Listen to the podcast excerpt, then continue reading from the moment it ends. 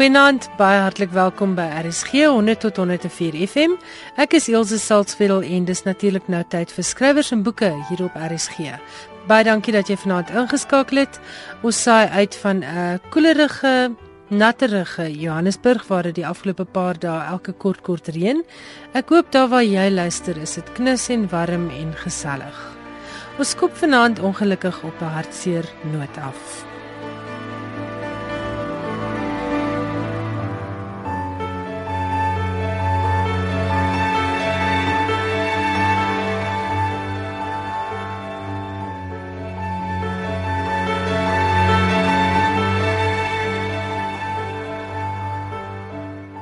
Afrikaans het verlede week een van sy groot stemme verloor.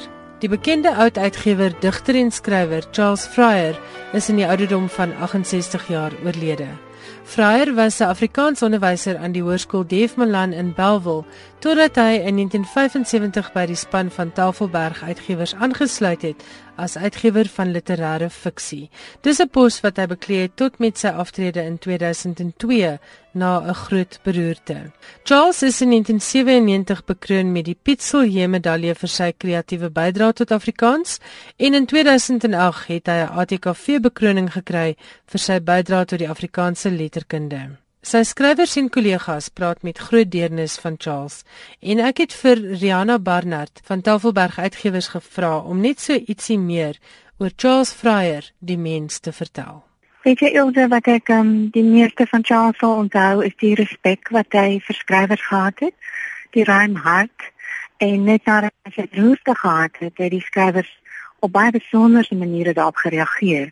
Ek onthou Elsa Huber se twee novelles, twee vroue word daarna gepubliseer en sy het die boek opgedra aan Charles en die ehm um, die opdrag was vir Charles Fryer, 'n vriend van skrywers.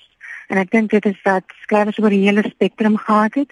Toe ek vir professor Stefanie Klute laat weet dat Charles gesterf het, het hy vir my teruggeskryf en gesê dat daarmee ook 'n hele deel van sy digterskap tot 'n einde kom saam met Charles. En ehm um, ek dink ook aan Rachel Gree wat vir my gesê het tot vandag nog dink sy aan Charles, hoor sy sy stem in haar kop wanneer sy met 'n kort verhaal besig is. Ehm, Charles het ook 'n groot bydrae tot poesie en natuurlik oor al die genres. As 'n mens dink aan prosa, skrywers dan dink 'n mens aan Etienne van Heerden, Elsa Huber, Marita van der Vyver, hele klomp belangrike skrywers wie se werke versorg het. Maar ook ek dink poesie was vir my groot liefde en um, het skrywers soos Hartflok Nel uitgegee, die eerste bundel van Jean-Pierre Naudier. En Jean-Pierre Naudier is op die oomblik in Berlyn vir 'n jaar en toe hy die nuus hoor, het hy vir my 'n greep uit 'n gedig gestuur, 'n dier se heldedaad wat na Charles verwys. Ek lees vir jou die vier reëls. 'n Rooi wiel het afgeval bo die horison en 'n ton geweg aan die Afrikaanse kant. Toe 'n streep getrek oor die uitspansel waarin Lou se buiteltjie nou 'n verfkwas was. En dan wat sy kommentaar uitgesê, Charles het 'n streep oor die uitspansel agtergelaat. So dit vir ons 'n groot verlies vir ehm um, ja, ek dink vir die hele literêre veld. Ehm um, en ons wil altyd vir Charles in ons hart en ons gedagtes koester. Rihanna, kan jy ons meer vertel van sy eie skryfwerk? Ja, hy het die die bundel gehad, Rooiwil Wa en ek dink Joan Hambidge het ook daaroor in haar huldigings um gedig het sy daarna verwys. Maar ek dink Charles se groot werk was in ander skrywers se manuskripte. Ek dink hy was daarmee so besig dat hy nie genoegsaam tyd gemaak het vir sy eie werk nie. Hy was wel ook die samesteller van bloemlesings, um wat op skool gebruik is, hy het 'n fyn oog gehad, goeie verhale gekies goeie materiaal saamgesit, so ook op daardie vlak het hy 'n bydrae gemaak.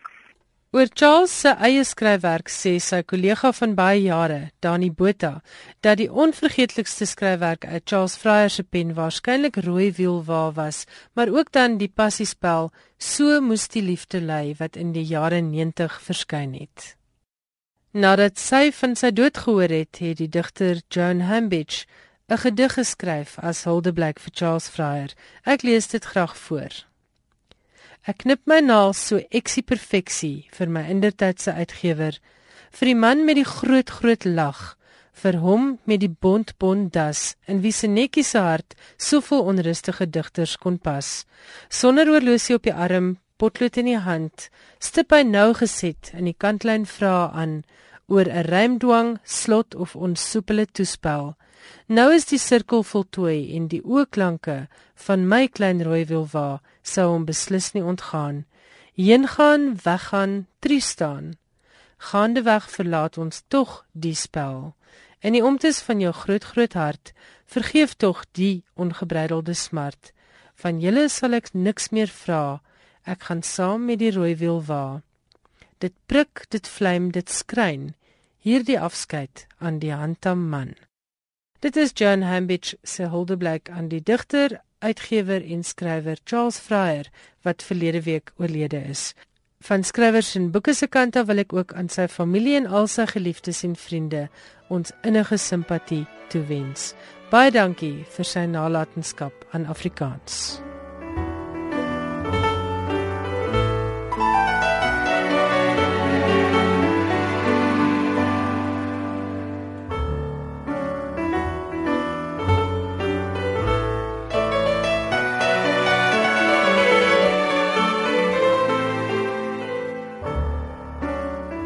Nou gesels Suzette Kotse Meiburg in Kaapstad met Jonita Leroux oor haar jongste roman Die Engel en die Bond Bees. Baie welkom by ons in die ateljee Jonita. Baie dankie Suzette. Lekker om hier te wees. Ons gesels oor jou boek, ehm um, Die Engel en die Bond Bees, met so 'n pragtige nguni so links onder op die voorblad. En dit is jou vierde roman, maar jy het 10 jaar laas gepubliseer. Nou Wat maak 'n skrywer dat hy nou vir 10 jaar lank aan 'n volgende boek skryf?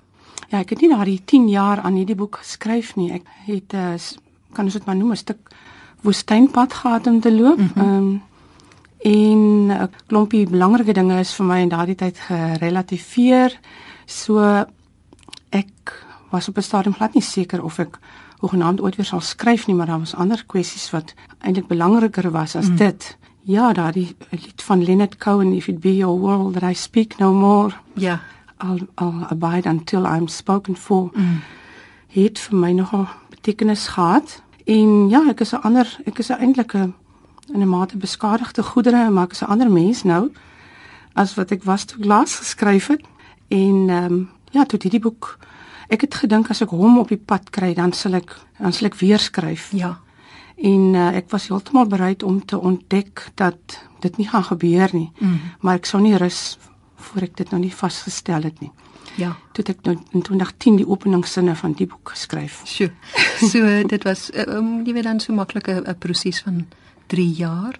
Maar dit is 'n dik boek 'n um, geweldige stuk werk wat jy gedoen het liewe deeg ek ek ek kan my 'n klein klein bietjie indink hoeveel werk dit was en ek uh, haal my hoed vir jou af.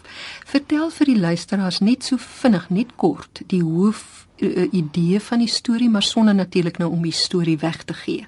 Ja, dit ehm um, begin by 'n hofsaak wat gaan oor 'n soeke na vermeende diamante mm -hmm. by die Oranje rivier en 'n wal van die rivier is opgeskiet in die proses. En dan is dit hierdie ietwat onbeholpe verslaggeefster wat uit die Kaap met haar kewer uh, dis nou na die na die hofsaak ja. word sy opgestuur deur die redakteur om 'n bietjie te gaan agterstories te gaan uitvind en en die donga wat opgeskiet is voordat hy nou toegegooi word ook te gaan bekyk en afneem en eintlik strek dit terug tot die skatte tot ons beskikking met ehm um, die hoofkarakter wat eintlik 'n Koranna was Jakob Karse mm. wat in die 1800s toe die Engelse regering het mos die Kaap uh, eintlik Griekwa Griekwa grond geannekseer. Ja.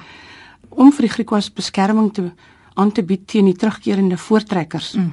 En dit is waarskynlik nie toeval dat daardie grond geweldig ryk aan uh edelgesteentes was nie. Ja. So daar het 'n besonder groot diamant in die besit van 'n Britse graaf gekom mm.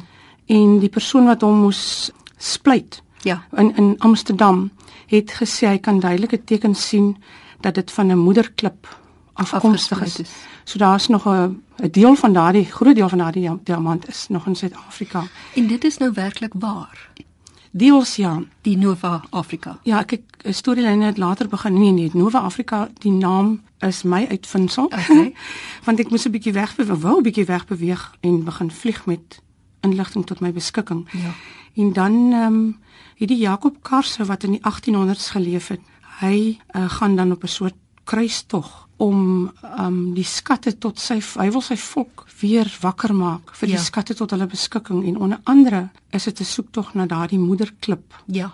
waarvan En hy afgesplit het. Ja. dis dan natuurlik ook nou op die simboliese vlak kan 'n mens ook nou dit alles lees. Ja. Maar die hele ding van diamante is in in die Suid-Afrikaanse geskiedenis so interessant. Ja. 'n Mens kan 'n baie dik doktorsgraad dink ek skryf net oor die geskiedenis en al die gebeure rondom diamante in Suid-Afrika. Ja. Mm. En die die dieper ding van diamante. Hoe sien jy dit? Ja, ek dink die dieper ding is identiteit en wat se mense dit noem nasionale jou jy weet jou, jy as 'n boerling mm. en jou grond, jou grondstowwe, mm. jou kultuur. En en ek het raak gelees dat daar diamante gedelf is des jare in die omgewing van waar ek nou my storie geplaas het en dat die diamante onder andere deur swart volke van hoër op in Afrika het van tyd tot tyd van die diamante kom koop hieronder. Mm of as mens dit nou koop kan noem want hulle het dit vir instrumente gebruik. So dit was nie vir enige waarde wat diamante byvoorbeeld vandag het nie. Met ander woorde ook sien maar soos verboorpunte Ja. soos wat hoe slyp en interessant. bytelwerk en so aan. Ja. En die Jakob Karse wat um, persoonlik my gunsteling karakter in die storie is, hy gaan dan onder andere op 'n kruistog kan 'n mens amper sê waar hy wil soek waar is daardie plek want dit was 'n geheim waar hy diamante ontgin is want jy kan mos dink as dit algemene kennis was waar daarvan Ja. ja. so geword het. Ja. So dit was net altyd 'n handjievol mense wat wat geweet het waar dit is en so het hy dit sy taak gemaak om en en, en wou hê sy mense moet weer opstaan en besit neem van wat hulle sin is.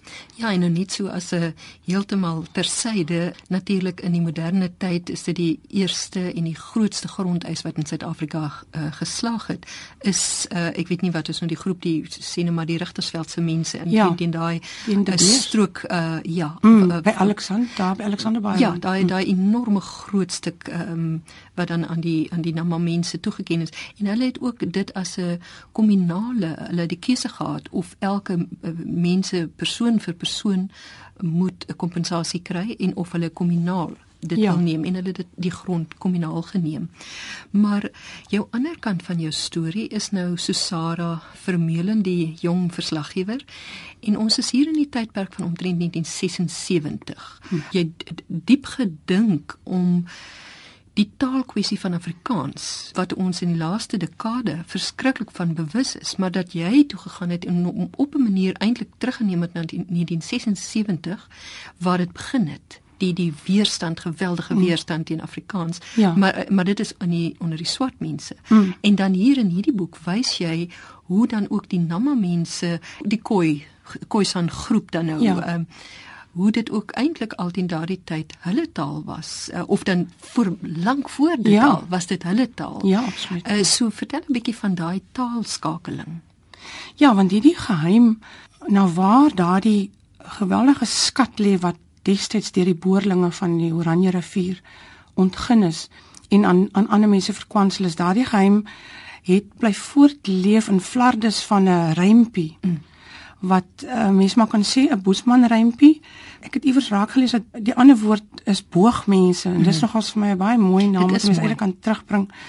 En die kan mens maar sê die ironiese is dat daardie flardes van 'n boesman rympie kan jy slegs nog eintlik via Afrikaans oor dat Afrikaans is die enigste oorbruggingstaal mm. wat dit nog kan wat nog die flardes van die inligting daarin omdat Afrikaans en en en die bruin mense van die Oranje rivier is absoluut uh, een soos wat hulle miskien destyds met hulle oorspronklike taal was is dit so daar Afrikaans is toe die sleutel wat daai geheim na daardie skat mm. waar dit nog vandag is want dit het nog al die ontwikkelaars en ontwikkelings vrygespring want almal sou geweet het as dit ontdek is waar Ja. het die boerlinge daai diamante ontgin en dit is waaroor dit gaan dat Afrikaans is eintlik die sleutel wat 'n klomp mense saambind en wat vir ons almal kan terugvat na die skatte tot ons beskikking ons wat boerlinge van hierdie land is. En ehm um, dit is hoekom dit vir my van betekenis was om behalwe nou vir die ouderdomskwessie van my karakters en so aan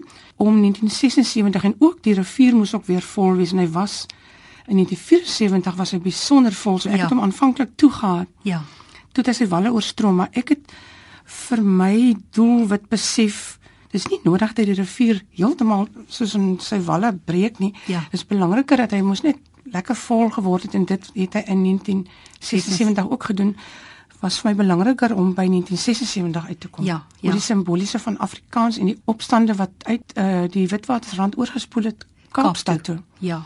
En Susara, ehm um, ons joernalis, jy het self as 'n uh, jong vrou, het jy self as 'n joernalis in die Kaap gewerk? Hoeveel van eh, van jouself het daar in Susara se karakter ingegaan? Ja, die mense wat my ken sê dat daar miskien meer van my in Magrieta Malgas is. maar ehm um, nee, definitief heel wat elemente in Susara want Susara kom met haar eie bagasie kulturele goedere wat eintlik vir haar baie swaar geword het om te dra. Mm. Wat haar eintlik beskadig het. Ja.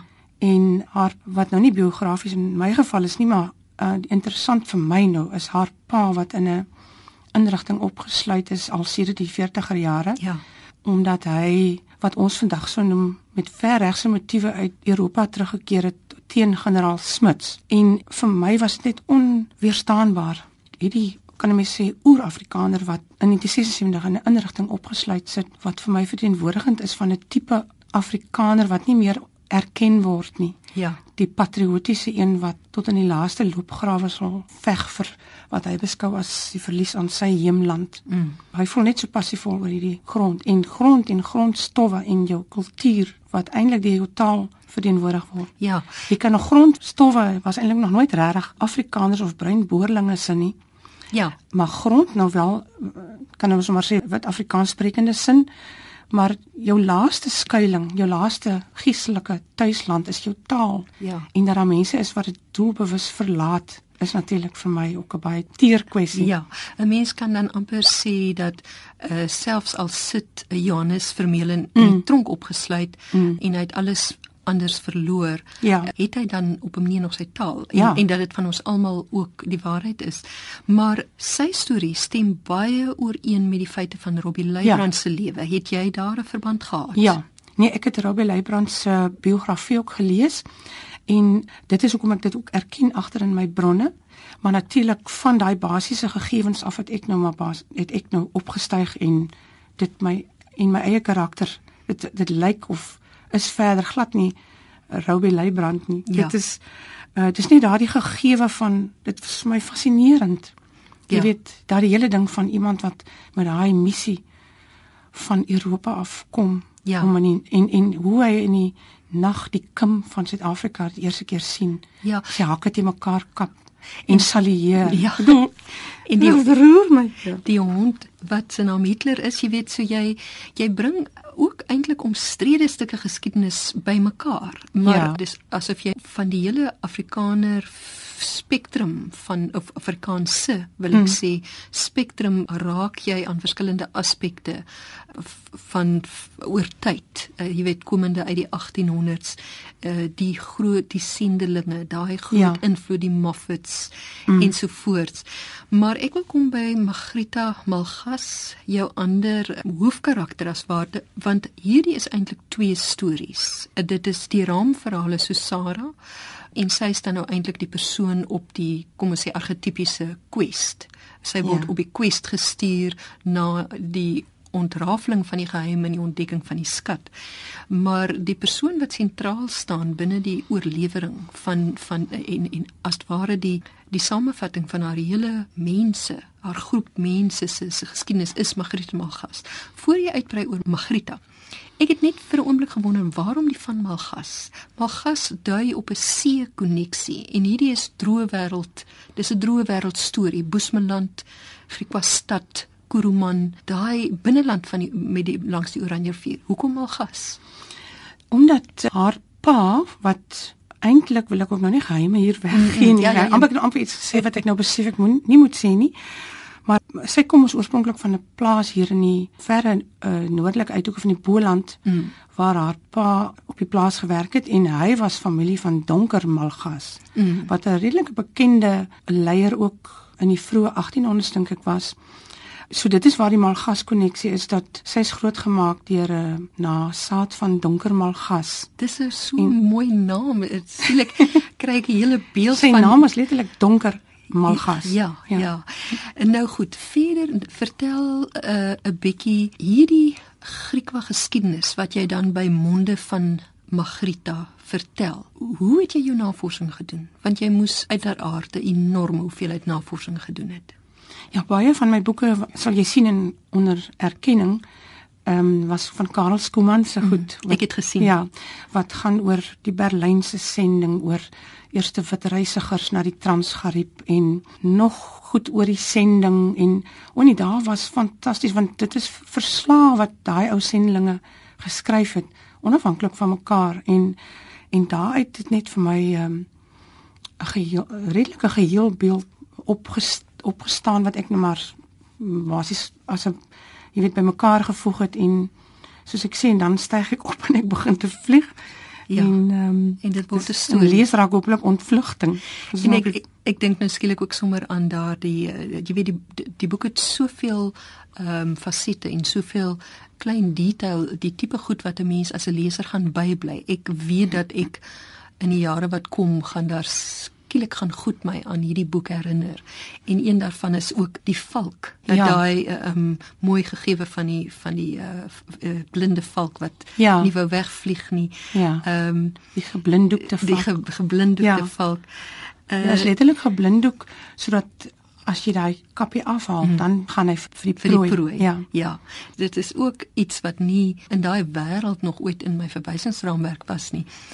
Jy die ek weet nou nie wat die taal ons wat ons dit moet noem nie. Ek wil sommer sê Noordweste se taal, Oranje rivier Afrikaans, Kurana, Griekwa, Namakwa en dit alles dan het 'n spesifieke tipe Afrikaans ook gevorm.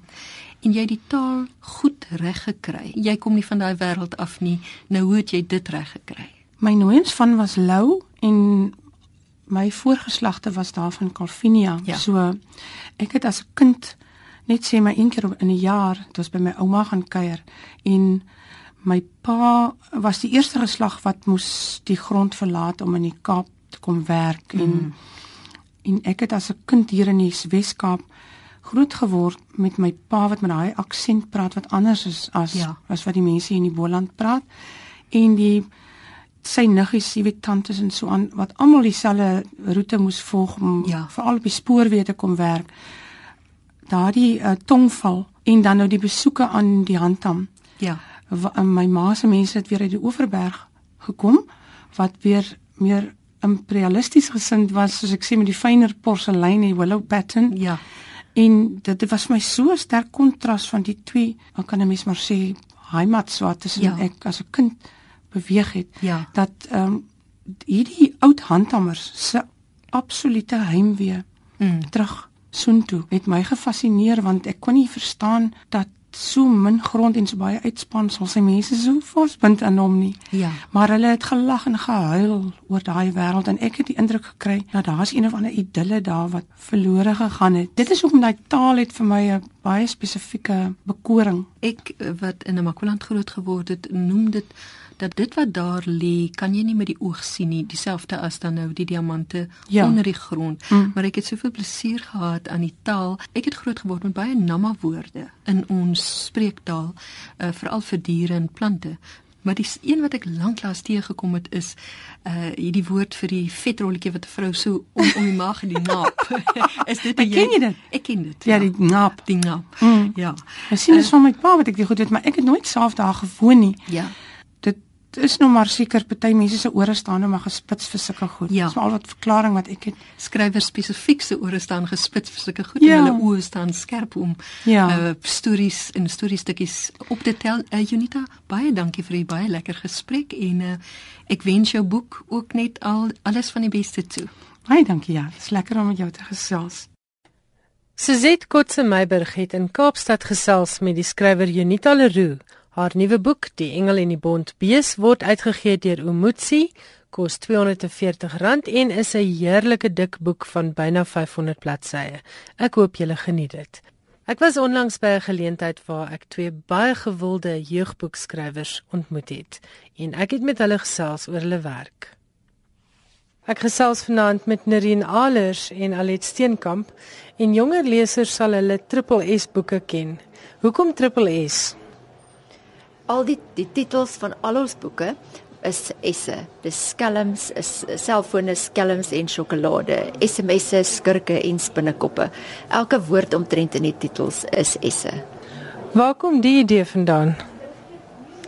Weet jy, ons het aanvanklik uh, geweldig rondgeskarrel om name vir die titels eintlik vir die boeke te kry en toe het ons die eerste een, eerste boek begin met hierdie triple S'e en van daar af net so aangegaan. Nou, Nerine en Alet vir die luisteraars se onthaalwe verduidelik ek net gou, hulle skryf saam. En hulle het 'n reeks boeke geskryf, maar die reeks jy kan dit as 'n reeks lees of jy kan dit losstaande van mekaar lees.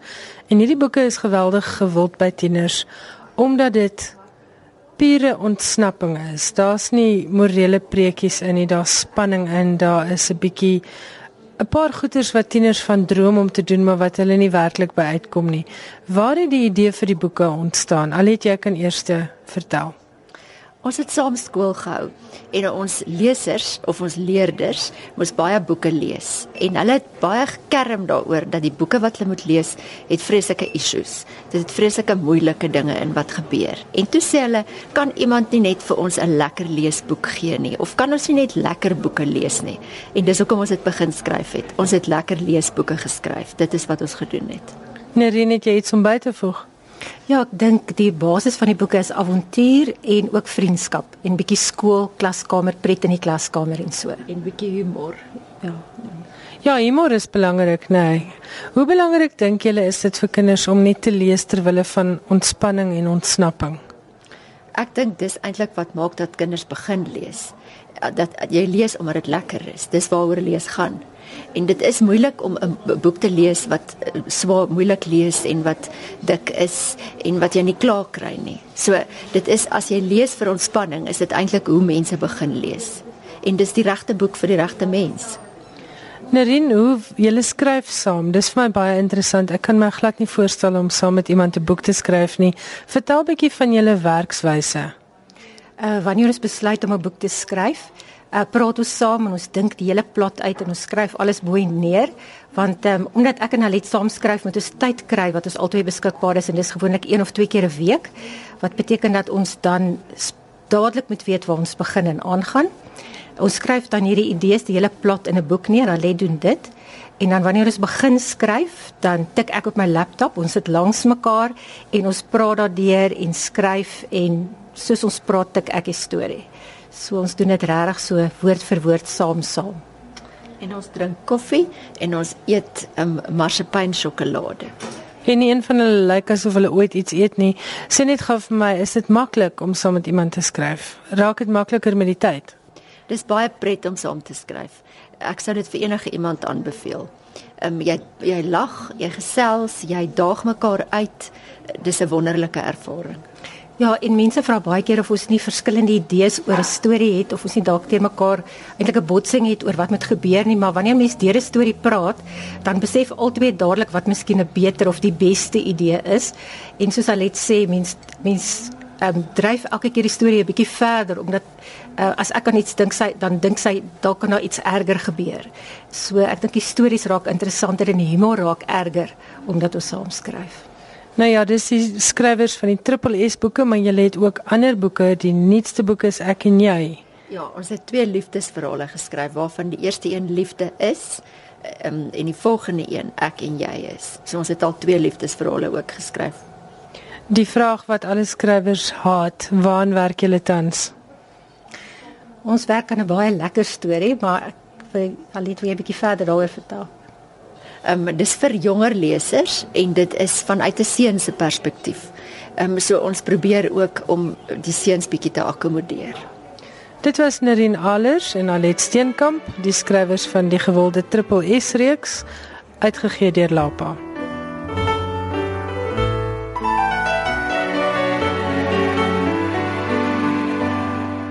Jan Meiberg is nou by my in die ateljee en hy praat oor internasionale letterkunde. Hy praat vanaand onder meer oor die wenner van die 2014 Dylan Thomas Prys, as ook die wenner van die Samuel Johnson Prys vir letterkunde. George W. Bush, die FSA se 43ste president, het pas 'n boek oor sy pa, die 41ste Amerikaanse president, gepubliseer. In die boek George H.W. Bush 41 A Portrait of My Father ontken Bush die jongere onder meer dat hy nie probeer klaarmaak het wat sy pa begin het deur 'n oorlog in Irak te ontkete nie. As promosie van die boek het hy ook in 'n onderhoud met die Amerikaanse CBS kanaal gesê daar's 'n 50-50 kans dat sy broer, Jeb Bush, die gouverneur van Florida in 2016 kan staan vir die land se president. Maar die boek gaan ten diepste oor Bush, nou 90.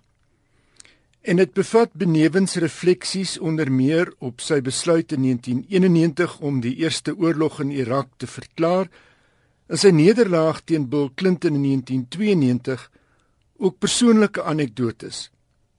Onder meer skryf Bush die jongere oor sy pa se planne in die 1960s om hom en Trisha Nixon die indertydse president Richard Nixon se dogter bymekaar uit te kry. Hoewel die verhouding tussen die pa en seun in heelwat ander biografieë as by tye taamlik stroef beskryf is, meen die outeur nou self 68 die ergste argument wat die twee ooit gehad het is toe hy as seun na 'n tenniswedstryd onder die invloed van drank huis toe bestuur het. Ons bly in Amerika, maar hierdie keer dalk van 'n literêre aard. Joshua Ferris, die Amerikaanse skrywer wat nie met sy derde roman To Rise Against the Decent Hour hond kon haar afmaak in vanjaar se Boekerprys nie, het met die einste roman nou die 2014 internasionale Dylan Thomas Prys verower. Die prys is in 2006 ingestel En outeurs jonger as 39 en wat in Engels skryf, kom in aanmerking vir die prys. Die Britse digter Dylan Thomas is vanjaar 100 jaar gelede in Swansea in Wallis gebore. Hy is op 39 jarige ouderdom dood terwyl hy op besoek was aan die FSA. Die aankondiging dat Ferris die wenner van die prys vanjaar is, is onlangs in Swansea bekend gemaak. Ferris se roman is uit 'n kort lys van 7 gekies en die sameroeper van die beoordelaarspaneel het die boek beskryf as 'n samevatting van die frustrasie, die energie en die humor wat van New York die stad maak wat dit is. In 'n resensie in The Telegraph is Ferris se boek beskryf as 'n opreg snaakse teologiese thriller. Dis die verhaal van die tandarts Paul Urok, 'n bofbalverslaafde ateïs wat aan slaaploosheid ly. Geld is nie 'n kwessie nie. Daarvan het hy hope. Maar hy sit met 'n leegheid in sy lewe waarvan hy net nie kan loskom nie. Hy het al golf probeer speel, hy het al Spaans probeer sonder sukses. Sy groot behoefte is om te behoort as 'n soort lusmaker die boek se openingsparagraaf. Onthou nou, dis geskryf deur 'n tandarts, die verteller is die tandarts. The mouth is a weird place, not quite inside and not quite out, not skin, not organ, but something in between, dark, wet, admitting access to an interior most people would rather not contemplate. Where cancer starts, where the heart is broken, where the soul might just fail to turn up. To Rise Against a Decent Hour deur Joshua Ferris is uitgegee deur Viking. Nog 'n pryswenner is die Britse skrywer Helen Macdonald wat met haar H is for Hawk die Samuel Johnson Prys vir nie-fiksie verower het. In die memoir beskryf sy hoe die feit dat sy 'n valkenier geword het, haar gehelp het om die dood van haar pa te verwerk. Hoewel sy nog altyd 'n voorliefde vir roofvoëls gehad het, skryf sy, was sy na haar pa se skielike dood vasberade om 'n sperwer mak te maak. Die voëls is bekend as vreeslose en verbete jagters. In H is for Hawk skryf McDonald oor die sperwer met die naam Mabel. Sy skryf sy het geen verlede of toekoms nie, sy lewe net nou. Ek het soveel aandag aan haar moes gee dat ek begin vergeet het wat dit beteken om mens te wees. Ek het meer valk as mens begin word. En dit het my diep laat nadink oor die lewe en die dood.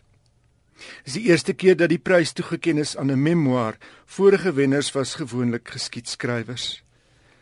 Vir die prys genoem na die Engelse literêre reus en leksikograaf Samuel Johnson wat geleef het van 1709 tot 1784 kom boeke in die volgende kategorieë ter sprake: geskiedenis, politiek, wetenskap, sport, reis, bio en autobiografie en die kunste. Johnson was 'n man van heelwat spreuke. Een daarvan: The greatest part of a writer's time is spent in reading in order to write. A man, en mens vermoed dan hy bedoel 'n writer will turn over half a library to make a book. Die sukses van E.L. James se erotiese Fifty Shades of Grey trilogie het glo daartoe gelei dat vroue in hul middeljare nou voor die voet self e-boeke uitgee. In 'n artikel in The Observer haal Maggie Brown bevindinge aan van navorsing gedoen by die Kingston Universiteit in Surrey wat daarop dui dat 65% van mense wat self boeke uitgee, vroue is. 65% hiervan is tussen 41 en 60 en 27% is bo 61. Die helfte van die vroue is in heeltydse betrekkings. 32% is gegradueer en 44% het 'n nagraadse kwalifikasie. James het oornag bekendheid verwerf vir haar sogenaamde mummy porn wat sy self uitgegee het. Volgens die navorser Alison Baverstock is James 'n voorbeeld van 'n selfuitgewer wat presies weet wie haar mark is. Mense sê sy wil fiksie deel en veral dan die soort goed wat tradisionele uitgewers maklik ignoreer. Respektabele sagte porno, subtiele memoirs van die soort rampe wat in mense se lewens plaasvind. Goed soos om 'n kind te verloor.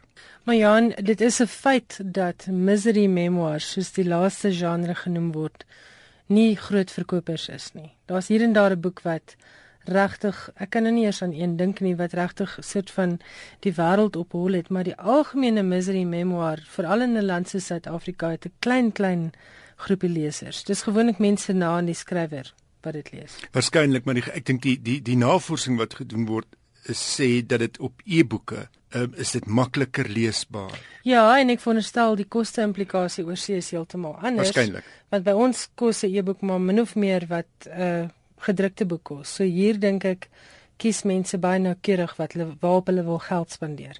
Ek dink die oorseese mark is daar tog anders.